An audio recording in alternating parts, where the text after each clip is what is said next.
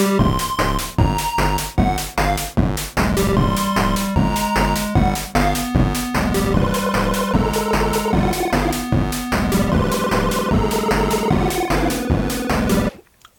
hälsar jag lyssnarna välkomna till det tredje avsnittet av podcasten Tykonom. Eh, och idag har jag med mig eh, aktivistveteranen, eh, journalisten och eh, podcastaren Mattias Våg. Mm, det är nytt att kunna kalla sig podcastare, men... Du drev ju tidigare, eller du, du var väl med och startade Brandpodden va? Ja, Brandpodden. Och sen hade vi en podd med researchgruppen ett tag också. Våra specialintressen som den hette. Mm. Eh, och nu har ju du en som heter Apans anatomi. Ja, just precis. Den är väl lite mera teoretiskt inriktad. Ja, det är baserat på en obskyr Marx-term. Så att den är, det är lite, kan säga alla studiecirklar jag har hållit som jag har gjort om i poddformat. ja. du, du kan ju, du förklarade det där begreppet eh, ganska bra för mig eh, i en chatt tidigare. För att det var, det var ett klagomål jag hade lite grann på mycket vänsterlitteratur. Att det Mm. Det, det, det, finns någon slags eh, optimism och liksom konstruktivism i slutet som, som jag kan känna en slags allergi inför. Och du, du, du förklarade det här greppet med just uh, uttrycket apans anatomi. Ja, det är, det är något som förekommer hos uh, Marx i grundrissen när han, han undersöker tendenser och ser vilka tendenser som går mot en brytning, som går mot kommunismen i dagsläget. Så att det är alltså inte analysera hur samhället exakt ser ut idag kvantitativt utan snarare se så här, vilka kvalitativa eh, strömningar, vilka kvalitativa tendenser är på gång. Och, och, sk och, skulle kunna ha potential om, ja. om liksom utvecklingen blir rätt. Ja, och det är inte givet att de ska gå åt det. Det är ingen historisk nödvändighet utan det, det är snarare att här ser man någonting som om man agerar på det, om man äh, agerar rätt så skulle man kunna förverkliga den här tendensen. Och det är lite så här egentligen motsatsen till historiematerialism när man försöker förklara nuet med historien. Så eh, så apans anatomi eh, beskriver Marx då att ja, men det, är inte, det är inte apan som förklarar människans anatomi utan det är människans anatomi som förklarar apan. Att det, om man tittar på vad som har blivit så kan man då se de historiska tendenserna i ett nytt ljus. Vilket ja. gör att om man ska förstå samhället idag så måste vi betrakta det från en punkt i framtiden och försöka tänka oss hur saker har realiserats. Som är, mm. idag bara är liksom tendenser. Ja, pre eh, precis. För där tänkte jag på någonting jag pratade lite grann med Malcolm om i, i förra podden. Mm. Jag har väl fastnat lite grann för en, för en historisk jämförelse. Det här med att eh, historien upprepas inte men, men den tycks rimma ibland. Och det jag har hängt upp mig på är ju lite modernitetens inbrott på 1500-talet. Och ja, hur, det, hur det korresponderar med utvecklingen idag. Hur när man tar på eh, tryckpressens eh, eh, genombrott och utbredning och, och pamfletterna som kom från det. Hur det liksom födde en populistisk och folklig och samtidigt djupt reaktionär rörelse som i grund och botten handlade om att liksom vända sig tillbaka till något klassisk fundamentalism helt enkelt. Mm. Eh, mot det här liksom internationella etablissemanget som var kejsaren i Rom och katolska ja. kyrkan. Och hur hela det här liksom det rimmar ju väldigt tydligt med internet, eh, högerpopulismen och sen teknokraterna i EU och, och sådär som, ett, som liksom en tydlig motståndare. Mm. Och i det läget om man, om man skulle sitta på 1500-talet som en upplyst man och försöka bygga apans anatomin i framtiden så skulle mm. det ju vara jättesvårt att kunna identifiera den här reaktionära galna rörelsen med liksom Luther och, och hysteriker och häxbränningar och se hur det här liksom födde en slags folkets egenmakt som om 200 år, 300 år skulle börja liksom utveckla sig till, till en, en slags rak motsats till sig själv. Ja. Och det intressanta där är ju också att det var kanske inte de avsedda effekterna med som Gutenberg och tryckpressen. Att man, man tryckte böcker och det fanns väldigt få lärda som kunde läsa de där böckerna. Men restpappret som blev över så tänkte man, vad gör vi med det? Vi, vi trycker upp nidbilder på påven och delar ut till bönder ja. som inte kan, kan läsa. Och där blev första masskommunikationsmedlet och det var inte alls den avsedda effekten med det. Och det, det är väl lite så det har fungerat med sociala media idag också. Att det när, när, du sa det med de här fula eh, karikatyrerna på påven, då kommer man ju tänka på Flashback Forum direkt. Ja. Att det, det, blir ju det här liksom det överblivna papprets eh, eh, pamfletter. Eh, of, ofta var de väl anonyma också på den här tiden ja. eftersom... Ja, det var väl belagt med dödsstraff att göra. Så att det, så det är lite, det finns det här med tekniken, de early adapters, de som är tidiga att använda och börja använda. Men det är ju lika intressant att se den här skrotade tekniken eller det som, det som blev den här användningen man inte hade tänkt sig. Att uh, Alt-Right koordinerar uh, Charlottes vill via chattkanalen Discord som är för gamers för att spela dataspel. Så här, att det är någonting upptag uppkommet mm. för att användas på ett form får plötsligt en, eh, en annan effekt. Och det är ju så, så är mycket intressant då liksom med, ja, med gamla radiosändare som användes för att göra radio. Sen när nya tekniker kommer så ställs det in i skrubben och folk kommer på att vi kan ju använda det här för piratradio. Så att det är ruinerna från ett gammalt system och då är det inte early adapters utan snarare så att man kommer på perverterade Scavengers. användningar av mm. och gammal teknik eller sånt man inte hade tänkt på det kunde användas till. Ja, här har du ju väldigt tydligt på internet vart, eh, vart högern som har haft ett övertag här. Eller som, mm. ja, vi diskuterar ju lite grann, jag och Ola Söderholm, i det, i det första avsnittet.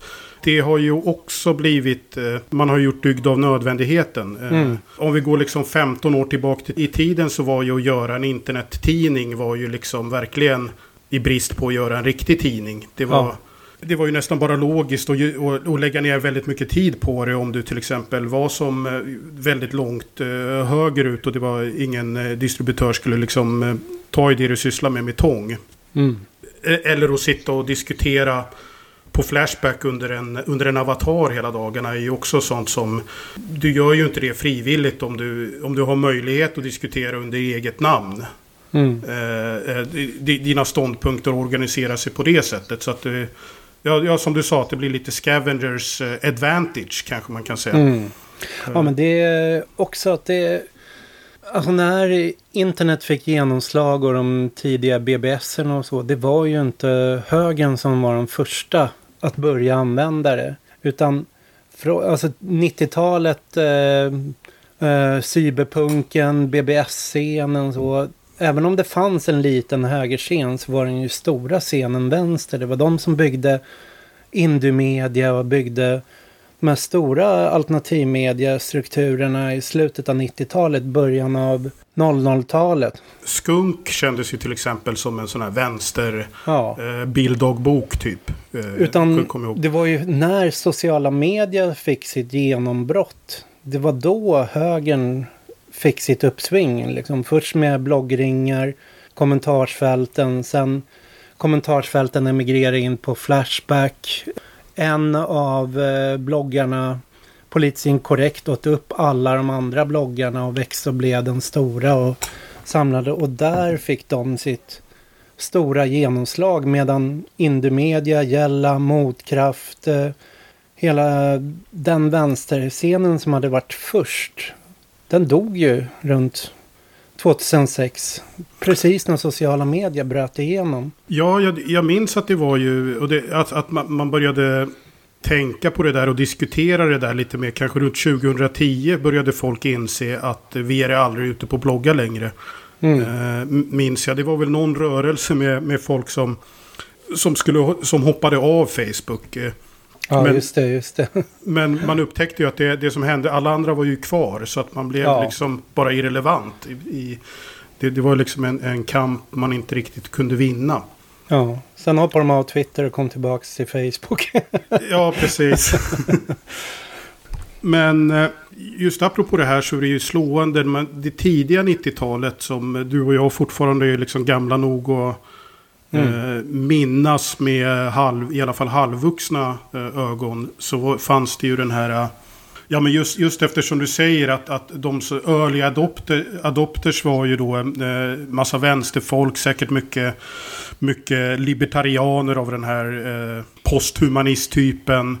Ja, det var ju mycket information wants to be free som var liksom det där att det gällde att offentliggöra material, scanna texter, lägga upp, lägga upp musik, lägga upp saker. Liksom. Det var ju det som var mycket den här första ja, ja, men ideologin bryta informationsmonopol på olika sätt. Liksom kom, kommersiella mm. och, och eh, gruppen människor var ju på, på olika sätt liksom väldigt eh, progressiva. Eh, man, man, eh, alltså, alltså människor som har, eh, har en ideologi där man ser framför sig eh, att, att vi ska liksom framåt. Det bästa mm. är ännu framför oss att säga. För det, det är ju både alltså, olika eh, former av extrem libertarianism och, och, olika vänsterideologier har ju, eh, har ju det gemensamt. Mm. Eh, att, att man ser en befrielse som ska, som ska komma snart. Vilket, vilket skiljer det från det, eh, de, mer, de reaktionära rörelserna som, Ja, det är ett äh, återupprättande av något förlorat snarare. Ja, om man, om man ska akta sig. Det, det enda som kommer emot oss så snabbt är, är katastrofen. Mm. Uh, så det tidiga internet var när till exempel tidningen Z gick över och blev en renodlad internettidning. Och sen la ner eftersom ingen hade internet. men men det, det var ju den här uh, väldigt optimistiska synen på att allt det här kommer helt logiskt eftersom det är ju vi som är först och skapar allt det här så kommer det här bli eh, en, en frigörelse. Eh, ja. Och, och det som jag också tog upp med Malcolm, det ironiska var en, en sak man, man verkligen pratade mycket om var just det här med avatarer och hemliga eh, identiteter och pseudonymer. Att, att det skulle liksom frigöra en från identitet. Att man brukade säga mm. att det spelar ingen roll på internet om jag är svart eller man eller kvinna eller, eller bög eller någonting. Utan jag, jag, jag kan bara vara min text. Och, och nu har vi en situation där det liksom är när man tänker anonym avatar på internet så tänker man att det är en bedragare, en ryssbot. eller en hatspridare. Eller... Ja, mycket av de där 90-talsteorierna, det fanns ju jag har skrivit en del om det där att 60-70-talet var ju för, från vänsterns sida byggandet av en, eh, av en motkultur. Att man skapade alternativmedia som skulle vara en del av den där motkulturen. Man skulle rapportera det media inte rapporterar. Man skulle eh, bygga sina egna strukturer, icke-kommersiella strukturer. Sen på 90-talet så kom en svängning över till det som kallades taktisk media och kommunikationsgerilla. Och det var att man skulle ockupera mainstream media. Man skulle gå in och göra stunts, göra fake news, göra olika mm, spektakel eller visuella aktioner eller eh, lura media på olika sätt för att få in nyheterna där och kortsluta tilltron till media. Så att då slutade man ju å ena sidan bygga sina egna mediestrukturer, mediekanaler. Och samtidigt så lades ju lite grunden där då för det som idag är ja, men det allmänna som diskuteras kring, eh, ja, men, kring fake news, kring... Eh, och det var ju så här vänsterns motkulturella forum som experimenterade med det där på 70-80-talet. Man gör ETC till exempel tryckte upp eh, falska ja. Aftonbladet, falska Expressen och spred. Ja, med, med det, sin det. tidning. Och, ja, satte man, inte, en, satte man inte upp falska löpsedlar också? Ja. Uh, det fanns ja. en uh, italiensk tidning som hette Il Male, liksom Ondskan eller vad. De gjorde också specialiserades på det. Där de utpekade liksom en fotbollstränare som Röda Brigadernas hemliga ledare. Fick hundratusen att gå ut på gatan och demonstrera liksom för en så här fake-notis. Ja, men det, och testade det, på olika...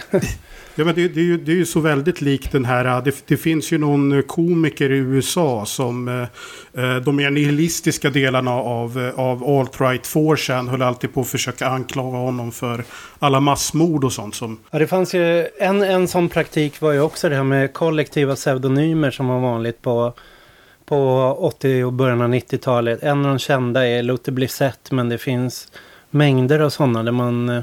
Det som vi skulle ta den här vad fan hette fotbollsspelaren med sånt liv nu kring... De... Oh, du som Durmas. Dur Durmas. Mm. Ja, det är som om vi skulle göra en kollektiv pseudonym av honom. Liksom att börja skriva mängder av texter där alla gjorde hans, hans mm. namn. Och det fanns ju hela den här neoisterna rörelsen som gjorde, byggde sådana former av kollektiv där alla använde samma namn. Anonymous kom ju att bli en sån också, en kollektiv pseudonym på, på det sättet. Så här. Kortslut att det skulle finnas ett, ett geni, en uh, unik författare, en unik uh, avsändare bakom det. Utan man skulle aldrig kunna veta vem avsändaren var. Det skulle alltid... En, en annan sak som var, som var rätt hippie, det var väl 90-talet eh, eh, tror jag, Adbusters. Eh, att, ja, att, man, att, man, skulle manipulera eh, fysiska eh, reklamtavlor. Skulle manipuleras på något ja, sätt. Så att... Det kallades ju culture jamming. Att liksom man skulle spamma igen kulturen på olika sätt. Och det, man ja. tog ju det från de här situationisterna från 60-talet. Avantgarde-konstnärerna som också var, fanns i bakgrunden på punken. Malcolm McLaren var ju gammal situationist så här, hur man skulle använda sig av att skapa skandaler.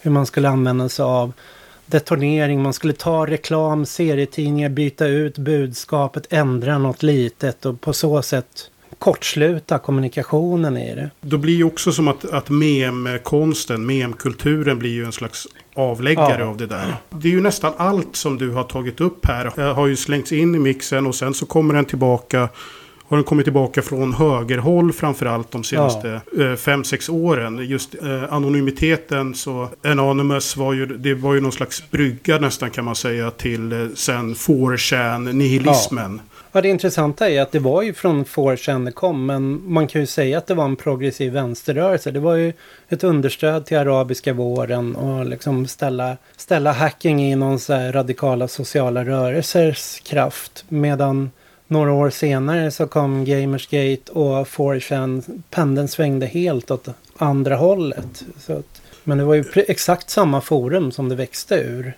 Alt-right och eh, vad man ska säga Anonymous Occupy. Occupy-trenderna. Liksom. Eh, ja, jag tänkte att det här samtalet skulle utgå lite grann också från en, en text jag skrev om dig. Mm.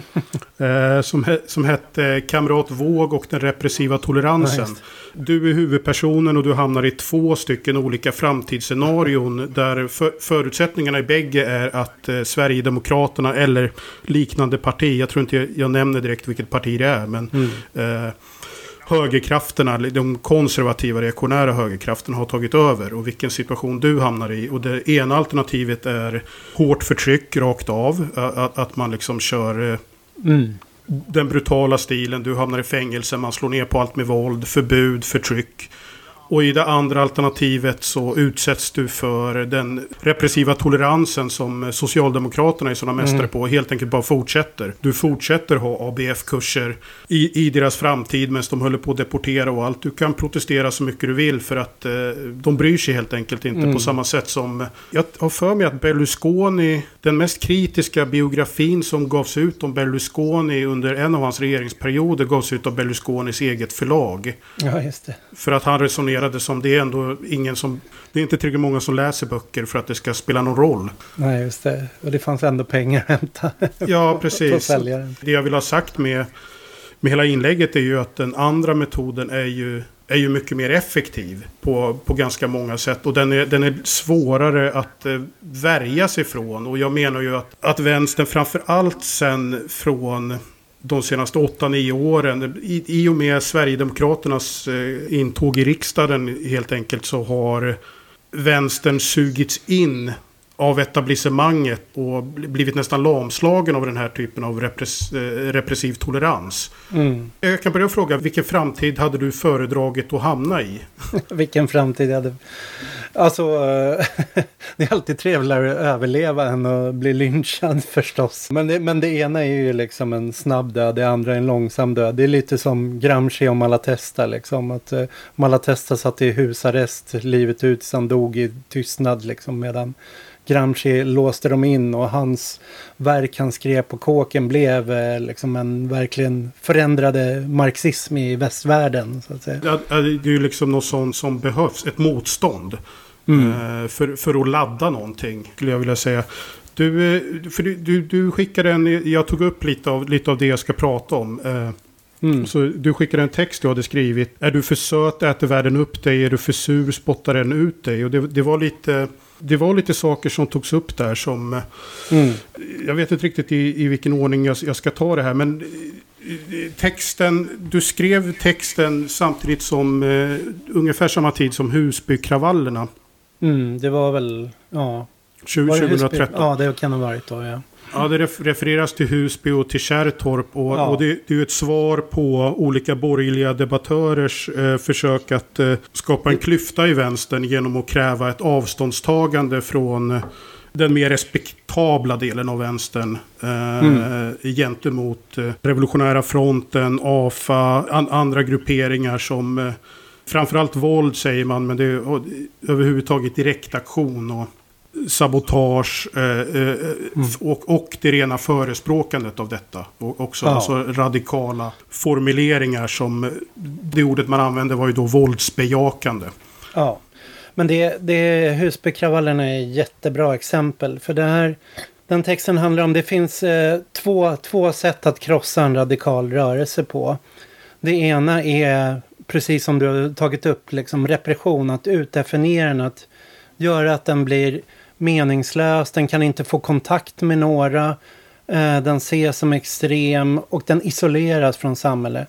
Och det andra är att eh, indefiniera den. Att säga, ja men vi tycker det är intressant det du har att säga. Vi vill erbjuda dig en plats på de här kultursidorna i de här organisationerna. Men då får du tona ner ditt budskap lite och komma med kreativa förslag. Så här, vad, vad ska politikerna göra av eh, det du tycker? Så att mm. båda sätt gör man rörelsen harmlös på. Att den tappar sin radikalitet.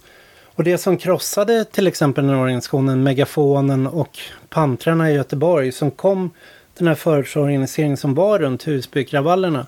Det var inte polisen som krossade den. Det var inte Ivar Arpis liksom påhopp på Svenska Dagbladet. Utan det var snarare den här toler toleranta repressionen som krossade, krossade megafonen. Att det fanns en rad goda vänsterrådgivare som förklarade för för megafonen och pantrarna. Det ni ska göra för räddare nu det är att ni ska gå in i Hyresgästföreningen, ni ska gå in i Rädda Barnen, ni ska gå in i Röda Korset, ni ska gå in i Vänsterpartiet och verka där.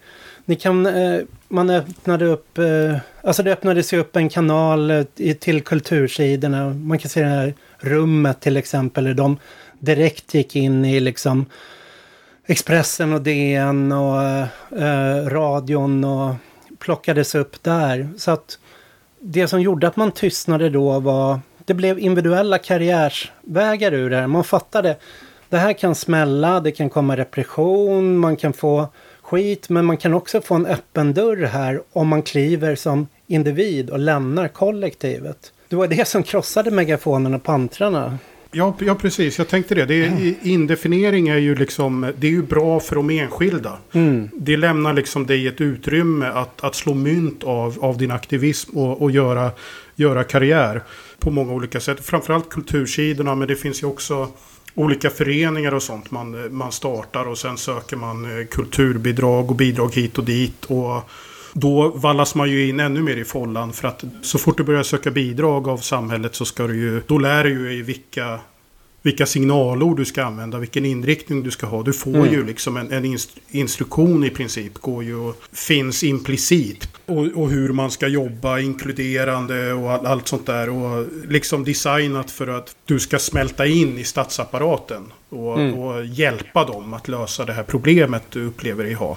Ett sätt att rikta energin från vänstern har ju också varit det här med att man gör gemensam sak. De, mm. de, de är undantag för liksom vissa grupper vill man ju ha bort för att de gör det på fel sätt. Men det här Sverigedemokraternas eh, intåg i riksdagen har, har blivit en så, en så vattendelare upplever jag. För att då blev mm. det vi mot dem. Och att man mm. även kunde liksom suga upp vänstern i det här. Att, att nu, eh, eh nu, nu är er uppgift att tillsammans med oss vara upprätthålla vissa gemensamt överenskomna grundvärderingar då, värdegrunden. Mm. Eh, som då sträcker sig från, från Fredrik Reinfeldt och eh, he, hela vägen ut till Vänsterpartiet då. Det är enbart utdefinierar Sverigedemokraterna. Och här här har ni, har ni, det här kan ni kämpa för. Det här ska vi, ska vi tillsammans eh, eh, kämpa för. Och här kan ni använda liksom er radikala energi. För att rädda det, det borgerliga samhället. Och så målar man förstås upp eh, idén om en folkfront mot Hitler då. Från, eh, ja. från 30-talet som eh, franska folkfront, folkfrontsregeringen och sådär. Som att det här är liksom vad, vad som ska rädda oss. Eh, folkfronten tillbaka och sen, sen står man där och, och... Ja, det är ju det folkfrontspolitik alltid är. Liksom att för att rädda demokratin mot det yttre hotet så måste man lägga ner sin kamp och ställa upp på en liberal politik. Att först rädda liberalismen, sen kan vi driva en kamp för... För, för att avskaffa liberalismen då. ja, verkligen. Jo. Ja, ja men det, det, är ju, det är ju lite samma, samma retorik som en, en regering använder under krig också. Alltså, ja, vi, har, vi kan vara motståndare men där har vi fiende. Och då, då lägger vi liksom allt åt sidan. Nu, nu tänker jag trampa på en eh, ovanad öm tå här. eh, men eh, jag tänkte i, i den här miljön där man har de här... Det här utspelar sig ju för sig tidigare än så. Men eh, de här karriärsvägarna har ju liksom funnits öppna lite grann. Och, och eh, redan på 90-talet så, så börjar man ju formulera den här eh, folkfrontstanken mot, mot rasism. Mm. När rasismen då representerades nästan uteslutande av våldsamma nazister. Mm. Just den här miljön gör ju att uh, om man ska förstå din, din före detta vän och uh, kollega Martin Fredrikssons agerande mm. när han började som Säpo-informatör. Mm. Jag tänker att, att det borde vara enklare att skapa de ursäkter som man behöver för sig själv för att göra något sånt eh, i den miljön än, i, än om Martin hade, varit, hade hört, till, eh, hört till nazisterna. För, för där är, där är liksom avgränsningen så mycket starkare. Ja. Eh, det blir liksom för stort steg att ta. Även om, även om Säpo kom och nu ska ni hjälpa oss att avslöja vänsterextremister så skulle ju det kännas som en... Eh, det skulle vara ett så absurt eh, förslag. Men i, i en miljö där liksom de här karriärsvägarna finns öppna så, så blir det liksom lite glidande kan jag tänka mig att det där kommer. Mm. Ja, jag tänker att det två olika saker. Att ena sidan finns den här... Eh, att det är liksom två olika faror. Det ena är den här breda breda antirasismen, att alla ska sluta upp bakom eh, något humanistiskt budskap och se att liksom Annie Lööf och vi bedriver samma kamp, att den är farlig på ett sätt. Men den här militanta antifascistiska traditionen som både jag och Martin kom ur, den är ju någonstans vägrade alltid gå in i sådana folkfrontsamarbeten och bjöds aldrig in heller. Vi var ju alltid sedd som eh, VAM på vänsterkanten liksom. Eller eh, vi var de här som man inte ville riktigt ha in. Och vi såg ju också den poängen att det måste finnas en jävligt uppkäftig rörelse till vänster som är i opposition och som är jävligt militant så att inte de blir den enda kanalen för liksom unga missnöjda arga. Men mm. problemet blev ju med den här fiendebilden så att säga att till slut fann, försvann det där att Alltså det finns, finns ett ordspråk att så här, den som eh, bara är liksom fascist är fortfarande en fascist. Men den som bara är antifascist är ingen antifascist. För mm. att eh, antifascism handlar ju alltid om att ge utrymme för en egen agenda, en egen politik. Men hotet mm. med antifascismen, alltså inte folkfrontsvarianten utan den här liksom militanta blir ju att man offrar den egna agendan utan man stirrar sig bara blind på kriget mot nazisterna. Att man skiter i hur många egna broar man bränner, bara man orsakar dem skada. Mm. Och det är ju det som uh, till exempel Martin blev var litet barn av, liksom det här, uh, vad ska man säga, krig och Fredriksson. Liksom. Mm. uh, att han bytte bara medel i, i, för honom. Liksom. Att det var, han var en militant grupp som slogs med nazisterna på helgerna. Liksom. Och han kom på liksom, med informationen, om han gav informationen åt Säpo och fick dem att slå mot nazisterna så kunde han orsaka dem samma skada. Så i hans huvud var det där bara fortsätta kriget med andra medel. Och han förstod inte liksom varför vi andra blev så, här, så förbannade på honom att han jobbade på det sättet liksom, när han kom ut med det. Så här. Mm. För honom var det bara helt logisk fortsättning. Men det, det, finns ju ändå det här att, att, att man accepterar eh, att eh, jag och Säkerhetspolisen är på samma sida. Eh, har har väl ändå, ändå sin rot i det här folkfrontstänkandet. Att man till syvende och sist så försvarar vi den liberala staten. Ja, eller för hans sida tror jag inte det handlar om att någon vilja att försvara den liberala staten. Utan han såg bara att det var en möjlighet genom att mata polisen med rätt information så kunde han orsaka sina fiender skada. Att hans fienders fiende blev liksom en möjlig allierad i att han var stirrade sig blind på det kriget så att säga. Inte att se att men jobbar vi för en liksom radikal vänsterpolitik så är ju Säkerhetspolisen betydligt större hot mot oss än vad liksom små nassegrupper är. Så, mm. Man, ja, men det är lite logiken hos en, en vänstergubbe som blir assadist eller putinist. Sådär. Ja, just det. Eh, eh, vi, vi har vår traditionella fiende som, som vi också har vant oss vid att slåss emot. Ja, men den, den där kom vi över med, med liksom humöret i, i behåll. för, för, jag tänker då, det, det stora hotet mot, eh, mot vänster, det har ju förekommit, som du, som du pekar på, så förekommer ju utdefiniering och indefiniering om vartannat. Mm. Men framför allt så eh, vänstern har ju i hög grad de senaste åren utsatts ju rätt mycket för, eh, för indefiniering. Jag, jag tycker mm. det har varit ganska tydligt, näst, nästan tydligare i USA känns det som. De, alltså att eh, radikala vänsteridéer har blivit jättepopulära om, i, inom mainstream ganska snabbt.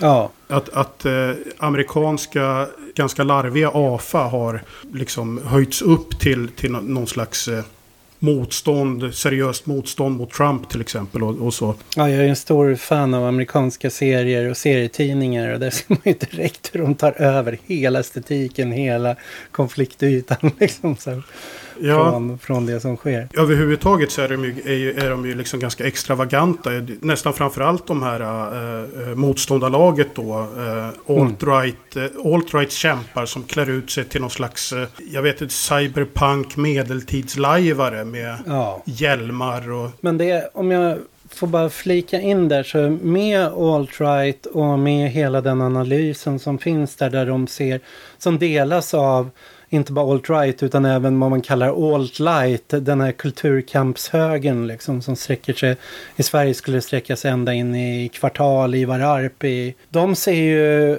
att vänsterns framgång, 68-vänsterns framgång var den långa, långa marschen genom institutionerna. Att man gick in i man gav upp den ekonomiska kampen utan man tog den kulturella och gick in på universiteten, gick in i tidningarna, gick in och på så sätt eh, förändrade samhället. Och hela den här metapolitik-diskussionen som alt-right bygger på handlar ju om att använda, alltså Richard Spencers mentor eh, eh, Paul Goffrid, han är ju skolad av Marcuse. Han studerade ju under Marcuse. Att det är, man har tagit Frankfurtskolan, sett det som vänsterns framgångsformel och nu försöker man göra en karbonkopia av den från höger.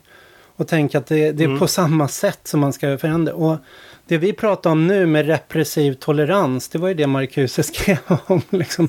Det är ju den motsatta ja. saken. Det är ju att den här långa marschen in i korridorerna, införlivandet, öppnandet av kanaler.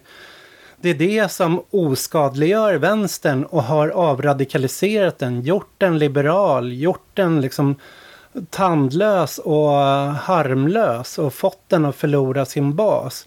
Så att det som jag ser som eh, vänsterns eh, sorgesaga eller problematiska, alltså väg mot undergången mm. ser de som vänsterns väg till, eh, till framgång och att det är någonting de ska kopiera. Ja, ja, men det är ju för att de har den här konstiga bilden av att det är typ är du, Robert Aschberg, eh, Tobias Hübinette och att ni liksom styr samhällsutvecklingen. Mm. Man har skapat den här falska bilden av vem det är som sitter på makt. Ja. Eh, och så tänker man, ja men då måste vi bli som dem som, som liksom framställs eh, i ganska stor utsträckning av oss själva eh, som, som jättemäktiga. Mm. Det är en ganska lustig liten fälla om, om de kommer gå hela vägen ner i den. Jo, verkligen. Jo. Som att det Aftonbladets kultursidor som styr Sverige istället för Ja. att se att ja, det är väl den mest harmlösa platsen dit, dit liksom vänstern går för att dö. Liksom inte där, där makten Ja, finns. be- för, för att liksom försörja sig och Ja. slippa suga på tavelramarna. Det är ju, det är ju mycket det. Mm. Alltså, alltså, eh, det är ju en försörjningsfråga och det, det är ju en... Det är ju en akut fråga för de flesta. Särskilt om man jobbar i kultur. Då blir det, du kan ju inte... Hur många kulturarbetare, hur, hur radikal man än, man än är, säger till DN när de ringer. Du får skriva dina radikala texter hos oss. Så det går ju inte att säga att nej, Eh, jag vill fortsätta blogga för att jag är rädd för att med tiden kommer jag eh, att så småningom bli tandlös och, och bekväm. Eh, som enskild människa så tänker man ju inte så. Nej, och det är ju där jag tror att om SD nu blir ett stödparti eller får inflytande eller kommer sitta i regering efter valet. Det är ju inte invandringspolitiken man kommer ge dem ansvar för. Det är ju kulturpolitiken som kommer bli deras område. Där kommer man låta dem gå på med köttyxan, stänga ner genusstudier, st- dra in pengar till Dramaten, s- slakta kulturtidskriftsstödet, eh, såga de eh, fria kulturgruppernas liksom lokalbidrag. Och just för att de ser att det är där som... Press, pressstödet Ja, kanske. pressstöd. För att det är där de ser vänsterns eh, styrka har varit. Och det, det innebär ju att eh, istället för att göra en opposition harmlös genom en to- repressiv tolerans, genom att plocka upp personerna från den, så kommer de ju, kö- ju köra en form av berufsförbåt eller liksom ställa en massa. Så det här är ju snarare underblåsa en kollektiv opposition av. Att det om de tror att de ska oskadliggöra vänster med det så kommer de ju snarare skapa kollektiva protestformer. Precis det som sker i Trumps USA liksom med, med hans nedstängningar och försök att gå på till exempel akademin och så. Ja, det är ju väldigt uppenbart att det, att det inte är några som helst problem för Liberalerna att, att så att säga indefiniera och förstöra högern på samma sätt. Det är ju bara att le, ge lite, eh, lite strängare Lite mer pengar till polisen, eh, Mm. lite hårdare in, eh, invandringslagar, li, li- lite grann sådär och framförallt det här med kulturen. För jag tror att det, för taktiskt så kommer det ju vara väldigt, eh, inledningsvis så kommer det här vara jätte, kännas väldigt framgångsrikt för, för högern om man, om man slaktar kulturbidrag bidrag till exempel. Mm. För att man kan ju väldigt lätt spela på det här med att eh, oj, titta så arga de blir när man går, på- går på deras försörjning. De ska minsann sitta och skatta och bla bla bla. Pension, alltså ställa det här ställa det här mot eh, pensioner eller mot skolan eller, eller mot någon annan verksamhet som behöver pengar helt enkelt. Och så kan man eh, bara köra ett sista varv på liksom eh, eh, södet, de bortskämda Södertörnsmänniskorna. Nu, nu blir de av med sina, sina bidrag. Det kommer gå jättebra tror jag. Men Mm. Som du säger så, så tror jag att det är, jag tror också att det i långa loppet är betydligt mindre effektivt. För nu ska vi gå över till vad som har, vad som har präglat högern Mm. Ga- ganska lång tid har ju deras problem varit utdefiniering. Mm. Eh, om vi tar eh, utdefinieringen som vänstern utsatts för har ju framförallt handlat om, om eh, metoder. Mm. Alltså, alltså direktaktioner, sabotage och våld. Och att, att förespråka detta och att också i förlängningen att förespråka att vara alldeles för radikal. Eh, har, har ju skrivits upp på det här kontot att liksom radikala samhällsförändringar då blir det som i Venezuela. Mm. Men när det gäller rena idéinnehållet så är det ju att man ska bekämpa rasism, sexism och homofobi och så vidare. Så har, ju, så har man ju inte haft något emot det. Det är ju inte det som är Nej, nej. det utdefinierade. Eller att man vill ha mer jämlikhet. Det går ju jättebra att säga att det beklagar sig över att de rika är så rika och de fattiga är så fattiga. Det handlar ju om hur man vill göra något åt det. Det är där man utdefinieras. Mm. Eh, Ja, visst. Men Den diskussionen vi hade i början av 90-talet i små anarkistiska källarlokaler om härskartekniker och intersektionalitet. Det är ju liksom allmängods idag. Så att det ja, är inte något ja, som... ja. Då, då, då Jo, var vi 300 personer satt i källarlokaler och liksom ja, ratade förtryck, eller liksom ratade förtrycksskalor, liksom vilka som var... jo, men jag har verkligen inte, för jag, jag umgicks lite grann i de kretsarna då på 90-talet mm. också. Det, det, var ju verkligen slående, för jag tyckte att allt det här var liksom så, obsky, så otroligt obskyrt. Och hur, jag blev nästan chockad hur det, när det liksom sen plötsligt Annie Lööf står och, ja. står och liksom använder ett liknande vokabulär. Och det är ju mm. Det är verkligen the power of indefiniering. Men högern har ju, har ju mer då utdefinierats för, för och då, då, pratar vi ju då inte om den liberala högern utan den reaktionära högern, mm. den gamla högern. De har ju mer utdefinierats för, för sitt ideologiska innehåll helt enkelt. Traditionella värderingar, homofobi, rasism, all, allt som liksom kan gränsa till det. Ja, just det. Eh, och det här var ju liksom det var ju länge var ju en framgångsrik metod och väldigt dåligt för högern. Alltså det var ju dåligt för enskilda. Och, och skapade ju också problem för rörelsen. Att, att man, man kan inte attrahera begåvningar om eh, man inte kan erbjuda några plattformar eller, eller liksom karriärsvägar. Mm. Och, och också svårare att få spridning för sina idéer om du, om du inte finns eh, i Pressbyrån då. Men det här gällde ju bara fram till en kritisk massa uppnåddes när det liksom hela spelplanen plötsligt vändes och, och när, när nackdelarna blev i princip till fördelar allihop. Mm. Då, det är då den processen som, som började väl rätt mycket med politiskt inkorrekt och, och egentligen vändningen har ju kommit ganska nyligen. Mm. Uh, om vi tar till exempel uh, de mest inflytelserika politiska influencers. Väljer jag att kalla dem uh, Tino, Lamotte, Katarina Janosch och Hebelein och Ganman. Mm. Det ingår ju lite grann i, i deras popularitet eller ingår ju eh, inte lite grann utan det bygger nästan helt och hållet på det att de är frispråkiga outsiders. Jo. Det skulle ju försvinna nästan direkt om man liksom satte en Expressen-geting på dem. Ja, verkligen. Ja, men det är lite som med, med Chang Frick och hans nyheter idag där vänstern har varnat för normaliseringen och säger att det är livsfarligt att släppa in Chang i finrummet, släppa in han i pressklubben, släppa in men det som skulle döda Chang vore ju att komma in i de där rummen. Att hela hans karriär bygger ju på att han är den som poliser, upp, uppdrags, eller uppgiftslämnare vänder sig till på grund av att han inte är etablerade media.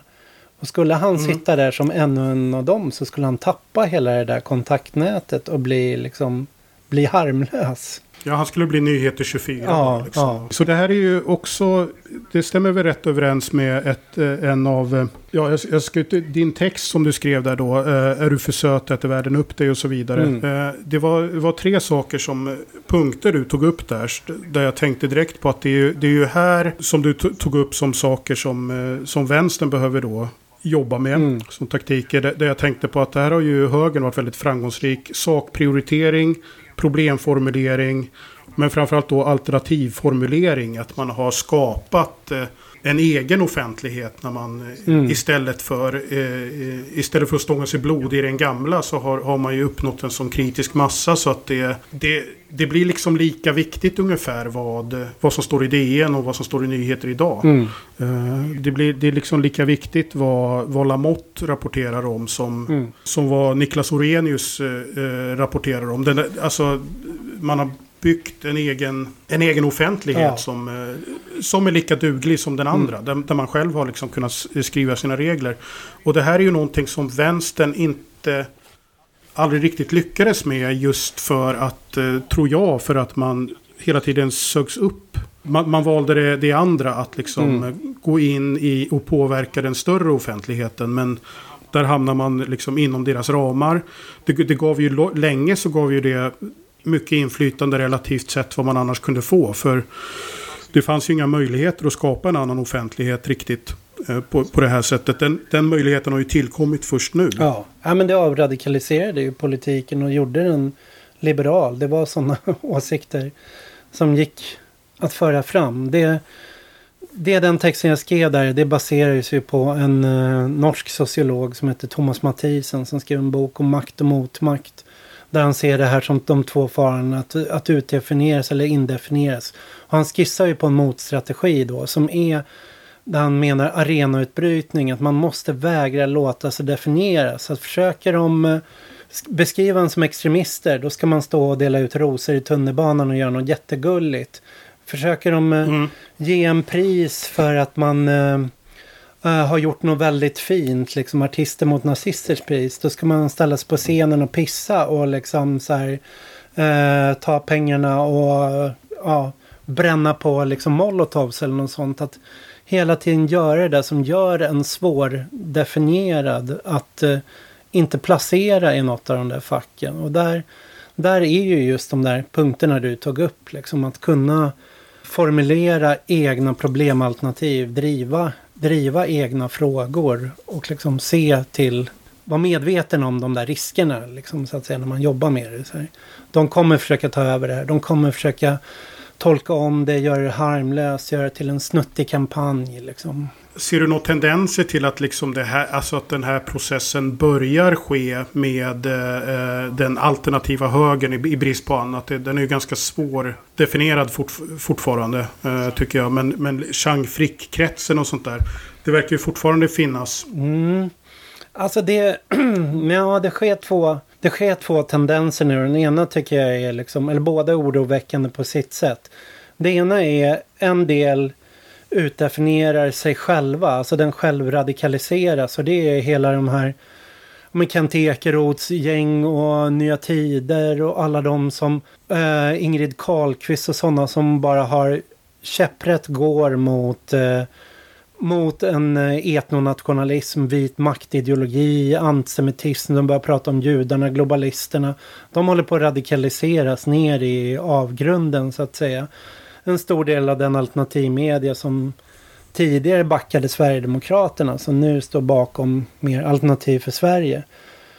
så mm. de är väl kanske farliga på ett annat sätt men det det stora farliga tycker jag är den här arenautbrytning eller den som varken är indefinierad eller utdefinierad. Och det, är, det är det stora område som växer mellan, mellan Moderaterna och SD och eh, även mellan Moderaterna, SD och en falang inom Socialdemokraterna. Att sossarna är ju så breda så att de kan både ha en vänsterfalang, en centristfalang och en högerfalang. Och man ser just de där tre största partierna, däremellan börjar uppstå en alternativ mediakultur. Liksom att Jean Fricks nyheter idag, Tino Sanadaji, eh, Katarina Janouch.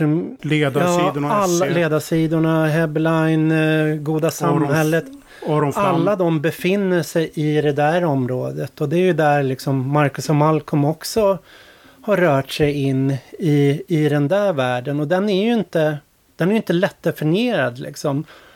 Alltså jag, jag fattar domprosten som ringer kyrkklockorna mot Thomas Gyr och jag fattar ramaskrit mot den domprosten också. Men det är ju för att han, han fattar ju att här är en gråzon som inte, man kan inte definiera den. Han ringer och säger att det här är vargen och då slår det tillbaks mot honom så här. Men, men det är ju inte heller någonting som bara går att gullas med utan det är ja, just den där svårdefinierade i den där miljön tycker jag är det farliga. För att då... De värjer sig ju ganska bra från att indefinieras ja. också. Eh, till, till exempel att, att Tino valde att tacka nej till Aktuellt och sen göra en intervju hos Joakim Lamotte ja. istället. Han, han, menade ju att han så här, eh, jag når ut till mera folk på det här sättet, vilket eh, det stämde ju inte alls.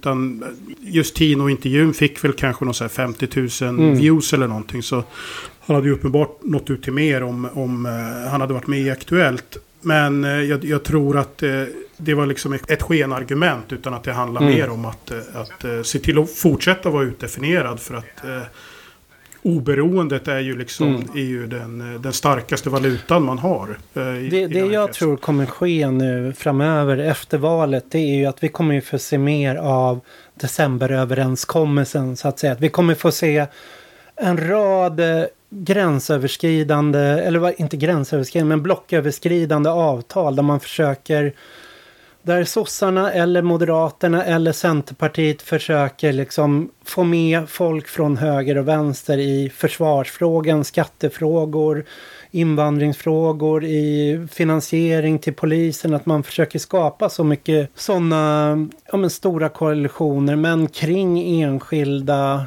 Inte liksom att det blir ett gemensamt mittenblock utan snarare man pusslar ihop efter varje fråga den, den majoritet man kan få ihop kring den. Och det gör att det kommer mm. bli när de här blockgränserna, när det här samarbetena ser ut så kommer det bli samma missnöje som det blev mot decemberöverenskommelsen. Ett oerhört stort missnöje inom högern underifrån. För att man sätter sig i mm. Löfvens knä eller man, eh, man vägrar fälla vänstern eller gå emot vänstern på det sättet.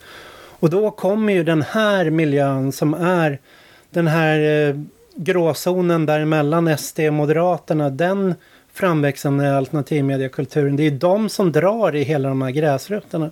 Så att det kommer ju vara däremellan som de kommer nog vara den starka kraften som kan stå emot det där. Inte Sverigedemokraterna i sig, utan den där den miljön så att säga. Och frågan är liksom vad ja. vänstern kan bygga då som, som på något sätt kan skapa en sån miljö fast på andra kanten. Liksom. Jag vet inte om det kom med riktigt i programmet, men jag diskuterade ju det där med o mm. Ola Söderholm.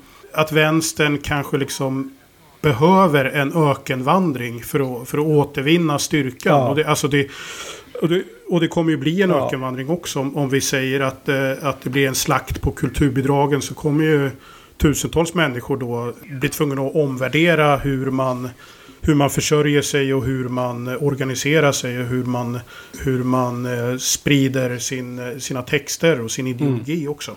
Jo visst, det kommer bli mer självklart att man måste basera det på medlemsaktivitet. Man måste bygga upp egna kanaler, egna forum. Man kommer vara mycket mer naturligt i opposition och bli, eh, stå i en skarpare konf konflikt och också vara självklarare som så att jag tror också att det här är, jag ser det inte som att det är vänsterns död utan snarare liksom, eller rättare sagt vänstern har dött så många gånger liksom, men det har alltid revitaliserat och skapat en förnyad vänster som bättre varit anpassad för, för dagens situation och inte levt kvar i liksom gamla förstelnade strukturer och analyser. Ja, för det, vi har ju gått igenom eh, en del, en, en, del lån som, som högern har gjort ifrån vänstern. Både teori i Frankfurtskolan men också, också praktik i form av den här ja. Rules for Radicals. Som, det, ja, den är ju en mer Saul praktisk handbok i hur du... Bok, ja, som... ja det, det, går väl ut på lite grann hur man bygger upp ett, ett drev eh, och, och folkstormar och, och sätter press på olika makthavare och isolerar och, och håller på sådär. Och det är ju Mm. Det är ju mm. någonting du har uppmärksammat och, och flera andra också hur eh, ja. högern har använt det där. Utan eh, eh, Hanif Bali har väl... Eh, ja, han har det som sin bibel och Tino Sanadaji också. Och det... Så hur är det åt andra hållet? Vad skulle vänstern behöva stjäla av högern i, i, i eh, nu i framtiden som kommer? Ja, alltså jag tror... Alltså jag brukar prata med det med Chang Frick liksom. Att jag... jag stör mig, eller jag är lite så här avundsjuk på att han har ju en punkattityd liksom som jag kände vänstern hade förut. Som han, han har lyckats, som jag någonstans hoppas vi ska komma tillbaks till också. Och det är det där att inte vara... Ni måste rensa bort alla förskolor eller mellanstadielärare. Alltså jag vet en en sån här vänsterinfluencer sa en rätt bra grej om det här att det, vänstern har varit för inriktad på att vara bäst i klassen medan högern har varit inriktad på att vara populärast på skolgården.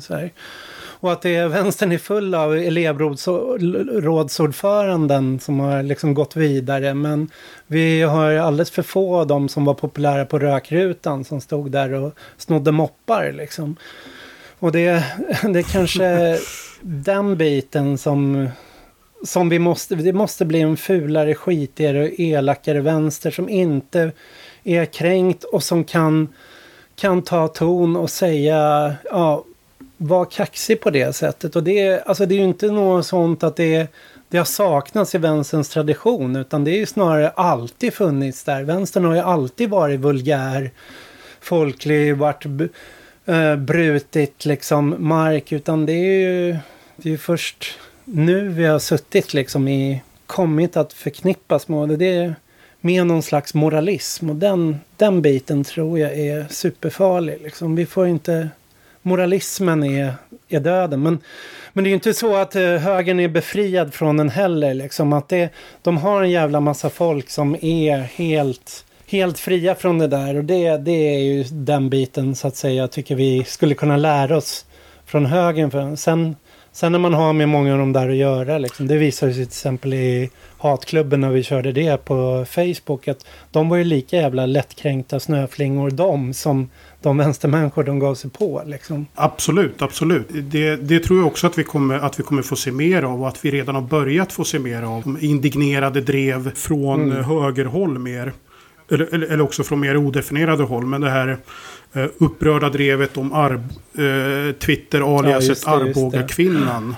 Till exempel som eh, hon, hon, kallade en en 15-årig kille som åkte omkring och skulle rapportera brott till polisen för en tönt. Och det blev ett väldigt liv. Och, och sen, sen, sen då Mr Cool-drevet som var väl också, också ett slags mm. hybriddrev med lite Instagram-feminister. Men också sen kommer det så här, eh, religiö någon religiös eh, ja. skojare. Och någon eh, kristen mm. sverigedemokrat också som, som var väldigt Eh, eh, väldigt drivande. Så att, mm. Eh, så att det där finns ju.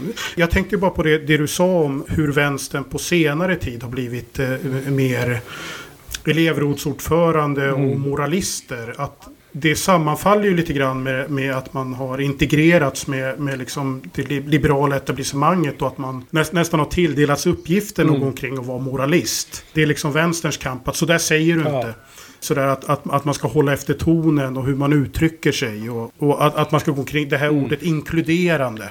Uh, att vi, vi ska vara liksom inkluderande och att, att det har liksom blivit en sammansmältning nästan med sån här... Uh, det, det, har varit lite samma ton som i nästan mm. managementkultur. Den är i alla fall väldigt bra. Det är många, speciellt uh, marxistiska feminister liksom, som Nancy Fraser och Wendy Brown som har påpekat det där. att under nyliberalismen så kom också oppositionen mot nyliberalismen att bli liberal. För att det var det man kunde få gensvar för de protester skedde på rättighetsområdet. Så att under nyliberalismen så skedde en rättighetsrevolution när det gällde rättigheter för sexuella minoriteter, rättigheter liksom vad gällde rasdiskriminering och allt sånt att där skedde en massa landvinningar. Men så länge man inte ifrågasatte ekonomin eller inkomstfördelning. Utan det handlade ju mer om eh, Många av de där eh, ja, men handlade om att man hade medelklassen som, som en norm och frågasätter varför kan inte jag som rasifierad nå eh, klättra på samma sätt som den vita medelklassen? Varför kan inte kvinnor klättra samma sätt som en eh, som medelklasskvinnan eller en medelklassman kan göra. Så att klass klassbegreppet doldes helt, den ekonomiska dimensionen doldes helt. Men här på det området gick det att vinna vinster så att säga. Och det Ja men, det, ja, men det som är kompatibelt med, med, liberal, ja. med liberalismen eller, eller ny, nyliberalismen. Och, det är, väl, och det, det, är väl också det som är dess styrka. Eller som Precis samma som är kapitalismens styrka också, som är den underliggande ekonomiska strukturen som det här stöder är ju det här att man kan så lätt anpassa sig. Som, som jag sa, det kommer ju vara väldigt lätt för liberalismen att anpassa sig till en mer auktoritär ja. höger. För det finns ju frågor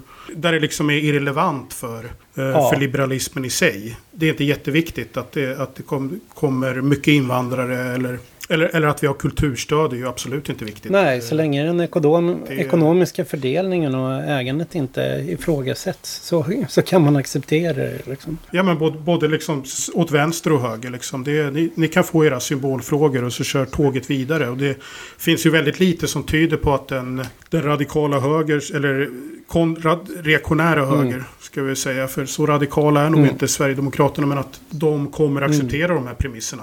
Och för dem kommer det nästan inte ens vara problematiskt. Jag, jag hade ju en, en, eh, en, fråga som jag, som jag tänkt på. Jag ställde den till min mm. förra gäst, Malcolm också. Om internet hade kommit 50 år tidigare och vi hade haft dagens situation med sociala medier och, och det här genombrottet år 1968. Eh, samma spridning i befolkningen och allt sånt. Och vi tänker oss då hade ju förstås liksom någon, någon, slags eh, internetpopulism uppstått då också. Hade den varit eh, en vänster eller högerpopulism, hade den varit mer progressiv eller, eller, eller mer reaktionär? Alltså, jag tror hade internet funnits 68 så hade man ju använt alla tillbudstående medel. Så man hade ju varit early adapter där också och använt det först. Och, eh, men sen, jag tror ju lite, Rasmus Fleischer har en väldigt bra teori kring det med sociala medier där han ser det som en, att det är eh, reaktionen på, på internets första 10-15 år. Ett relativt fritt självskapande internet där det är väldigt innovativt och sen så inhägnas det där och blir instängt och infångas. Och, så att jag, jag tror i sociala medier på ett sätt, ja, det är intressant att högen på ett sätt har lyckats använda det och det är ju för att de någon, kanske också har varit så utdefinierade att de har varit tvungna trots sociala medier att bygga egna kanaler medan vänstern bara sögs in i det så att säga. Så jag, säger, jag skulle säga liksom internet 1999, om det hade funnits 68 så hade det blivit explosivt liksom. Medan om eh, internet eh, 2018 eh, hade funnits 1968 så vet du fan om det snarare hade gjutit olja på vågorna och liksom kunnat hitta kanaler att fånga in dig liksom. Gå inte ut och bygg barrikader, gör en klicktivism för att liksom Eh, du kan eh, bilda Occupy universitetet, Facebookgruppen och sen kan det sitta 20 000 idioter och gräla sönder det där och de kommer inte ut på gatorna så att säga. Ja men det är lite, någon sa att liksom 2016 efter flyktingkrisen så 2016 var eh, extremhögerns 68 att nu började de gå ut på gatorna, de hade medborgargarden, Soldiers of Odin, patrulleringar, folkets demonstration, matutskänkningar. Det var eh, en rad sådana aktiviteter som, som skedde på gatorna och då är ändå, de har haft en så oerhört stor alternativmedierörelse med så många användare men de har inte fått ut det till en gaturörelse alls. Och den där gaturörelsen dog ju ut på, på nolltid alltså. För att det blev så mycket sektig tonläge, sektiga gräl, små Bashir Abani moralpaniklägen och konspirationer som bara frodades. Så jag tror att det som har gynnat dem enormt när det gäller kulturkampsmässigt och liksom påverka opinionen i samhället har samtidigt hållit, hållit tillbaka dem från att bli en kraft på gatorna. Och 68 var ju främst kanske en, mm. en vänster som gick ut i hela samhället och fanns närvarande där. Och att ett liksom eh, socialt media, internet hade kanske snarare liksom kanaliserat in det ännu snabbare in i korridorerna, in i, blir det här eh, indefinierade tyckar tyckarvänstern. Ja visst, det hade ju också det hade ju gett liksom de kommersiella krafterna som det tog ju ändå lite tid för dem under 60 och 70-talet, liksom in, en bit in på 80-talet mm. att kommersialisera allt det här ordentligt också. Hade man haft tillgång till Facebooks användardata så hade ja. det liksom skett på något år. Så hade man liksom kunnat paketera revolutionen till, till folket på ett eh, liksom smakfullt eh, acceptabelt sätt. Mm. Jag tänkte avsluta med bara, bara en fråga. Jag tänkte, jag tänkte med bara en jämförelse. För det, eh, det finns ju två frågor som är ganska lika varandra. Där liksom eh, den eh, konservativa reaktionära högern har, liksom, eh, har, har, tagit den ena och haft stor framgång. Och det är ju invandringsfrågan. I grunden ligger ju att det, att det, det finns ju ett stort stöd för en minskad invandring mm. och har ju nästan alltid gjort det. Eh, och, och en, under en lång tid hade vi ett etablissemang som i alla fall i retoriken så var det ju fram till 2015 så lät det ju på alla partier som att det skulle vara hur stor invandring som helst. En motsvarande fråga är ju det här med liksom vinstuttag i välfärden.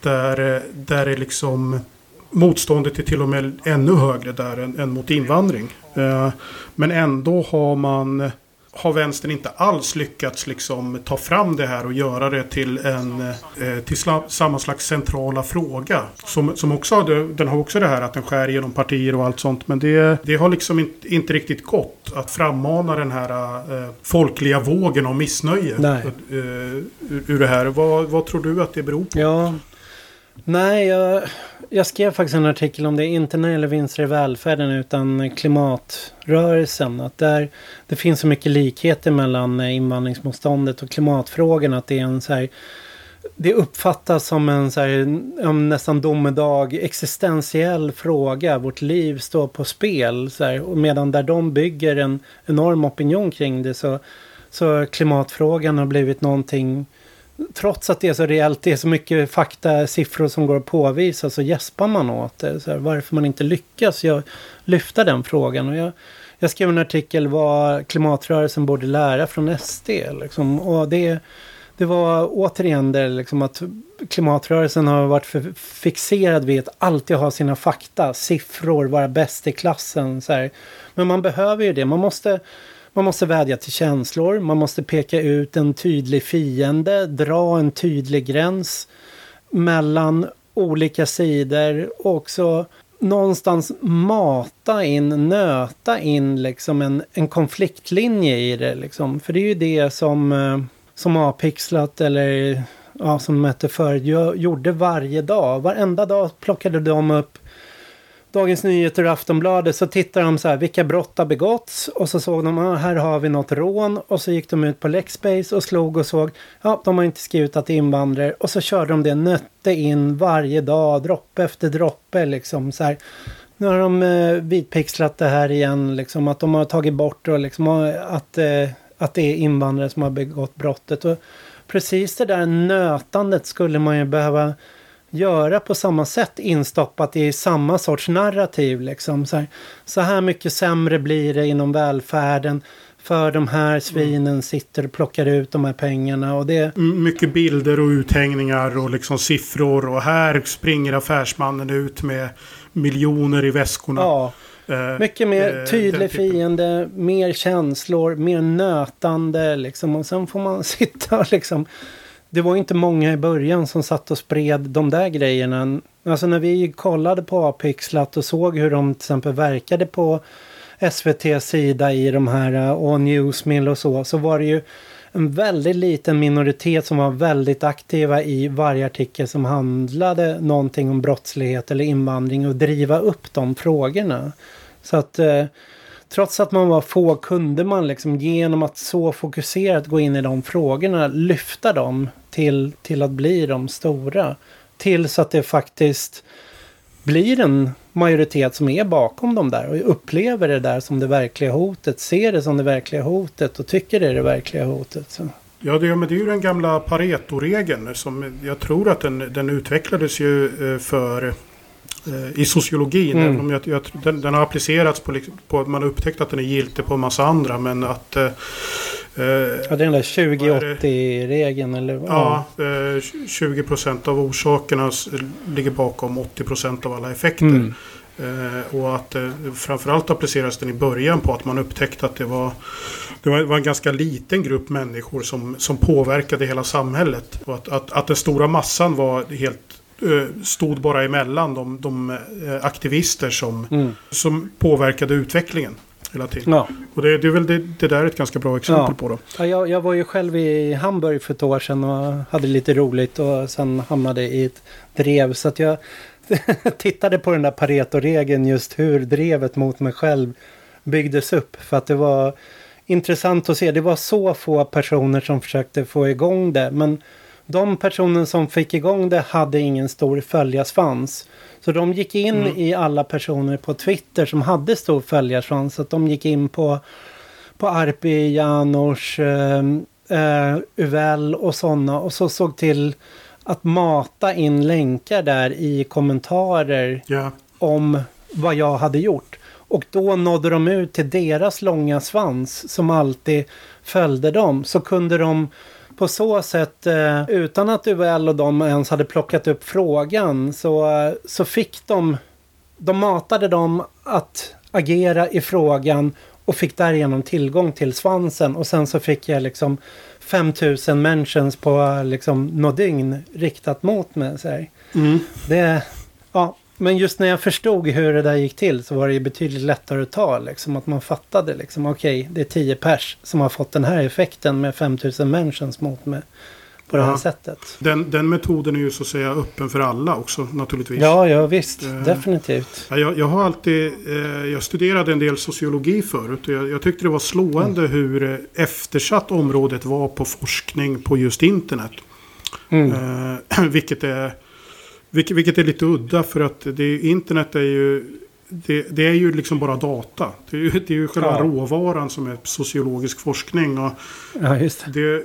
jag, jag har inte uppdaterat mig på området. Men då för några år sedan så kändes det som de flesta sociologer arbetade nästan som att internet inte fanns. Ja. När, när, det finns som det här exemplet du drar. Det här är ju, det är ju, det är ju liksom ett ypperligt tillfälle till, till sociologisk forskning runt Pareto-regeln och hur den, mm. eh, hur den används och, och utvecklas. Och, ja. ja, nu har vi pratat en, en bra stund så det, ja, det känns Långt. som det är läge att, eh, att tacka för oss. Eh, mm. eh, har du några ord du vill säga till våra lyssnare? Nej, jag får tacka att jag fick vara med och vill de höra mig fortsätta nörda i saker så har jag ju min Apans anatomipodd och det är ju precis som i din berättelse, det är min lilla ABF-cirkel för de eh, 20 närmast sörjande där jag sitter och repressivt tolereras till döds med mina sändningar. Men... Och jag ska väl eh, som vanligt avsluta med att rekommendera poddens Patreon på patreon.com eh. Jag slänger in Swish-nummer eh, i, i avsnittsbeskrivningen också för att jag vill gärna ha pengar. Jag vill ha pengar.